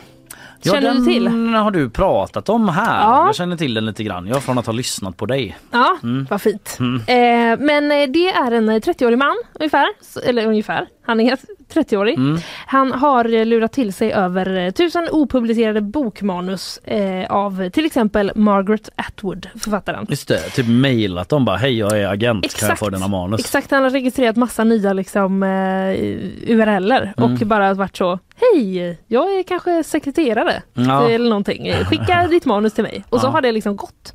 Eh, det har han gjort i alla fall. Han eh, greps ju Mm. i New York för eh, ja, några månader sedan tror jag. Mm. Eh, och jag berättade då om honom och att han riskerade fängelse. Mm. Jag tror att han riskerade ganska lång tid, alltså typ jag kan ha fel, helt fel här, men jag tror att han var uppe på liksom att maxstraffet kunde vara typ 20 år. Oj då. Ja, men nu har det då visat sig att han inte får eh, fängelse, rapporterar eh, TT. Mhm. Han eh, ska eh, istället, eh, han får tre års villkorlig dom Mm. i USA då och han utvisas också. Till- Från USA. från va? USA, Mm. precis. Eh, och så ska han då betala också skadestånd till bokförlaget Penguin Random House. Ja men det är typ ett av världens kändaste förlag tror jag. Ursäkta Förlåt mig. men eh, Ja. Random House. Det var väl ja. jättebra men eh, det var liksom tre väldigt konstiga ord bara i följd. Ja, För att vara ett av världens, ja okej. Ehm, jag tror det är någon sammanslagning. Penguin det kan det nog, ja okej. Men nu gissar jag lite. Skitsamma. Ja, bra, bra skryt. Eh, men eh, ja, så är det i alla fall. Han eh, har liksom eh, Ja, han har ju sagt det här med liksom att varför han snodde dem, för det var ju Mm. väldigt mycket snack om så här, men de har ju inte läckt någonstans typ. Nej han verkar inte Eh, typ ha gjort något brottsligt nej. med dem eller distribuerat dem så sätt. Nej precis, han har inte liksom sålt dem eller släppt dem utan Nej. han har ju bara sagt att han har gjort det här för att han liksom vill verkligen, verkligen vill läsa den här boken i liksom ett tidigt skede. eh, sin brinnande lust säger han också här. Han har beskri- beskrev under rättegången sin brinnande lust att känna sig som en stjärna i bokbranschen. Ja det var ändå en annan drivkraft Ja, det var än lite bara en annan. läslust då. Mm. Han vill ändå slå sig fram. Eh, precis, men eh, så är det i alla fall. Han får inget, eh, inget fängelse. Nej, så är det med det.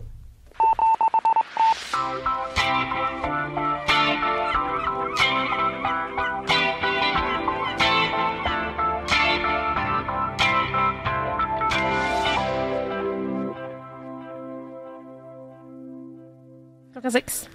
Klockan sex eh, är en artikel daterad som jag tänkte prata om nu. Det är Mm. nämligen att Claes Eriksson från Galenskaparna säger att det inte blir något mer eh, Galenskaparna. Jag kan inte se att vi gör någonting tillsammans igen. Oj då. Slutet på en era ändå. Ja. Klassiska klassiska Galenskaparna? Det är otroligt klassiska Galenskaparna. Blir man inte ganska berörd av det? Jo, jag blir berörd.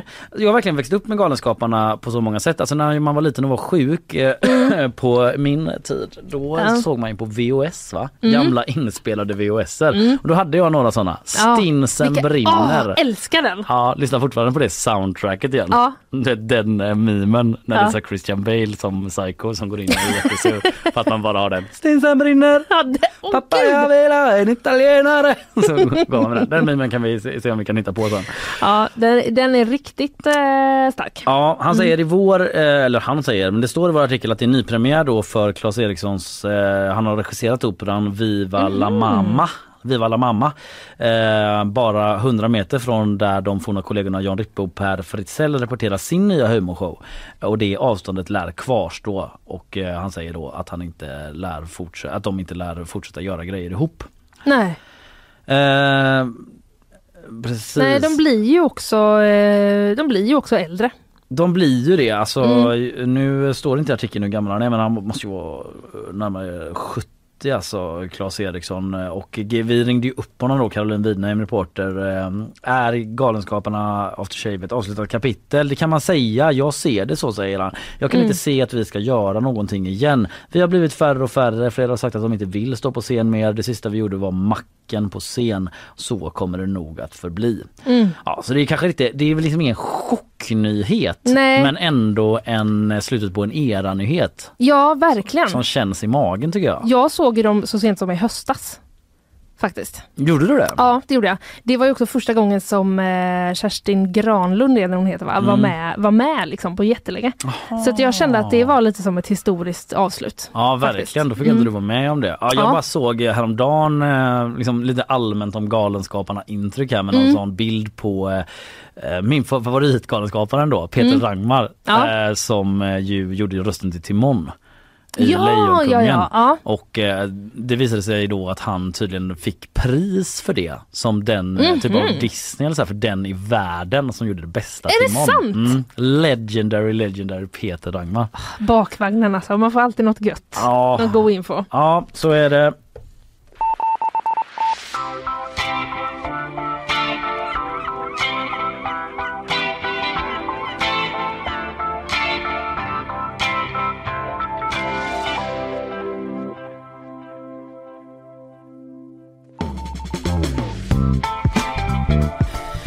Ja, i eh, samråd med producent Karl så Ja. eh, sätter vi punkt eh, där för dagens program. Eh, det finns så mycket att prata om men man har inte med allt. Men har du lite mer tid att förklara dig nyheter, kära lyssnare, så gå in på gp.se. Jag gör det. Där kan du eh, läsa om eh, både det ena och det andra. Mm. Tack för idag säger vi. Du är tillbaka imorgon med Fanny. Ja. Ingen aning vad som händer då, det vet Nej. vi aldrig så här dags utan vi följer nyhetsläget, gör en avvägning, sen bestämmer vi oss och sen levererar vi det till er lyssnare. Så ser lite processen ut bakom. Ja. Nu har jag pratat nog! Hej då! Hej då!